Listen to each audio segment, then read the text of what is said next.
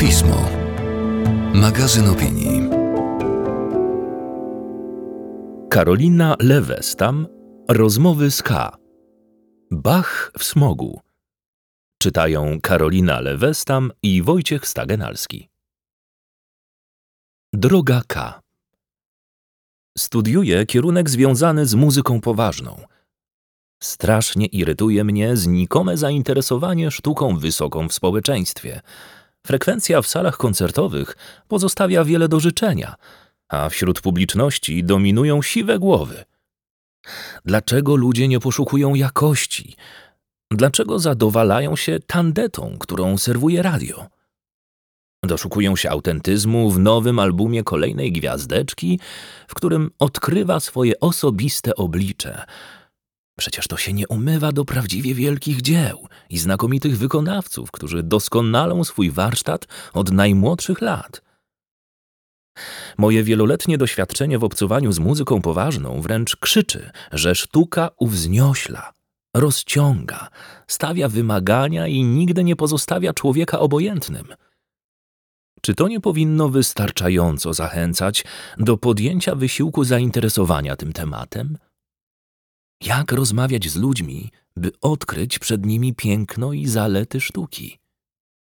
K. Droga też K. Na pewno słyszałaś. Styczeń. Rok 2007. Poranne godziny szczytu. Waszyngton. Stacja metra L'Enfant Plaza. Rozlega się najpierw Chacon Johanna Sebastiana Bacha, a potem jeszcze Ave Maria Franza Schuberta, a następnie Estreita Manuela Ponsa. Nikt się nie odwraca, wszyscy pędzą, szczelnie pozawijani w szaliki. Kto gra? Joshua Bell, wybitny skrzypek.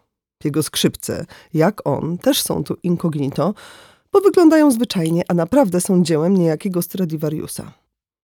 Ciągu 43 minut wirtuoza mija, chuchając w zmarznięte dłonie, 1097 osób. 27 rzuca mu drobniaki. Wieść gminna niesie, że niektórzy obojętni przechodnie mogli mieć już w kieszeni bilety do filharmonii za setki dolarów na występy pana Bela, które miały odbyć się na zajutrz. Ale z jakiegoś powodu ta sama muzyka, usłyszana w metrze, a nie w pięknej sali, nie zachwyca zwłaszcza gdy się człowiek spieszy do roboty.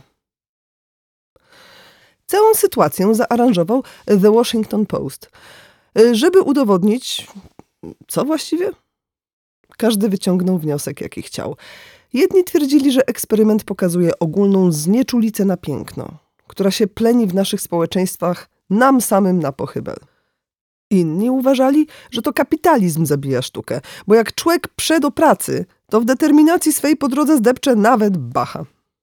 Czym jest chwila muzycznej rozkoszy wobec widma spóźnienia do korpo?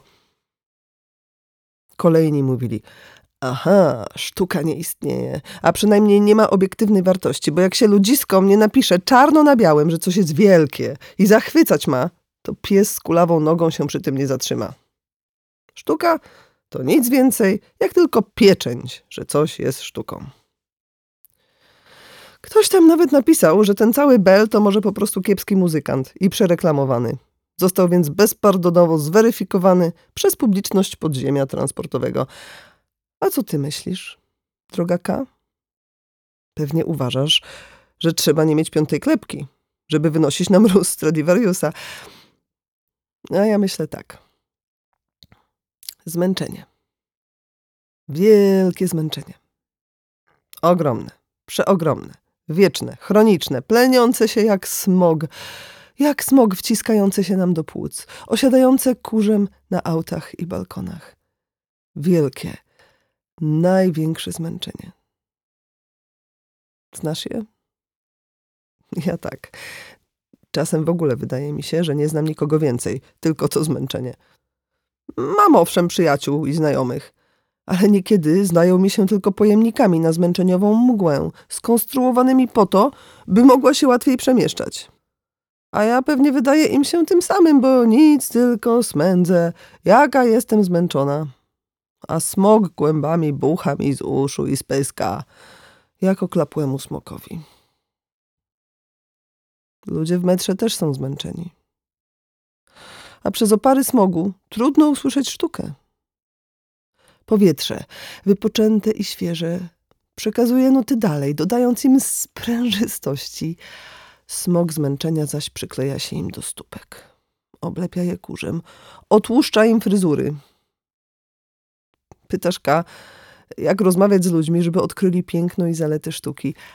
A ja ci powiem, że kiedy czytałam twój mail, tak ładnie i porządnie zredagowany, zadający tak ważne pytanie, to poczułam jeszcze większe zmęczenie. O rany, pomyślałam. Zrobiłam już dzisiaj owsiankę. Znalazłam skarpetki i dawno niewidziany zeszyt. Zawiozłam dzieci do szkoły.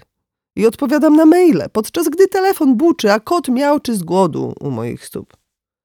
A tu jest przecież jeszcze Bach. Trzeba jeszcze tego Bacha, bo bez niego moralny upadek, życie na łatwiznę, Netflix i Ariana Grande. Kim jestem bez Bacha? Otóż nikim. Chciałam nawet włączyć coś porządnego. Ale smog zmienił się w węża, który oplótł moją rękę i włączyłam Taylor Swift. Postanawiam niniejszym, droga K, że na ciebie zrzucam obowiązek zostania depozytariuszką kultury muzycznej. Widzisz, ja, ja też się niepokoję, że ten Netflix, że, że ta Ariana, a, ale czytam jeszcze raz twój mail i zdaję sobie z czegoś sprawę. Do poczucia, że cywilizacja przetrwa, wystarczy mi wiedza, że istniejesz. Bo póki jest druga K, która czuje, zna, docenia i słucha, ja mogę się oddać bezmyślnemu brudzeniu w smogu codzienności. A kulturę uratujesz dla nas ty. Umowa stoi. Felieton ukazał się w 74. numerze miesięcznika Pismo Magazyn Opinii. Czytali Karolina Lewestam i Wojciech Stagenalski. Czytaj i słuchaj innych materiałów autorki tego tekstu na stronie magazynpismo.pl. Materiał zrealizowany we współpracy z Audioteką.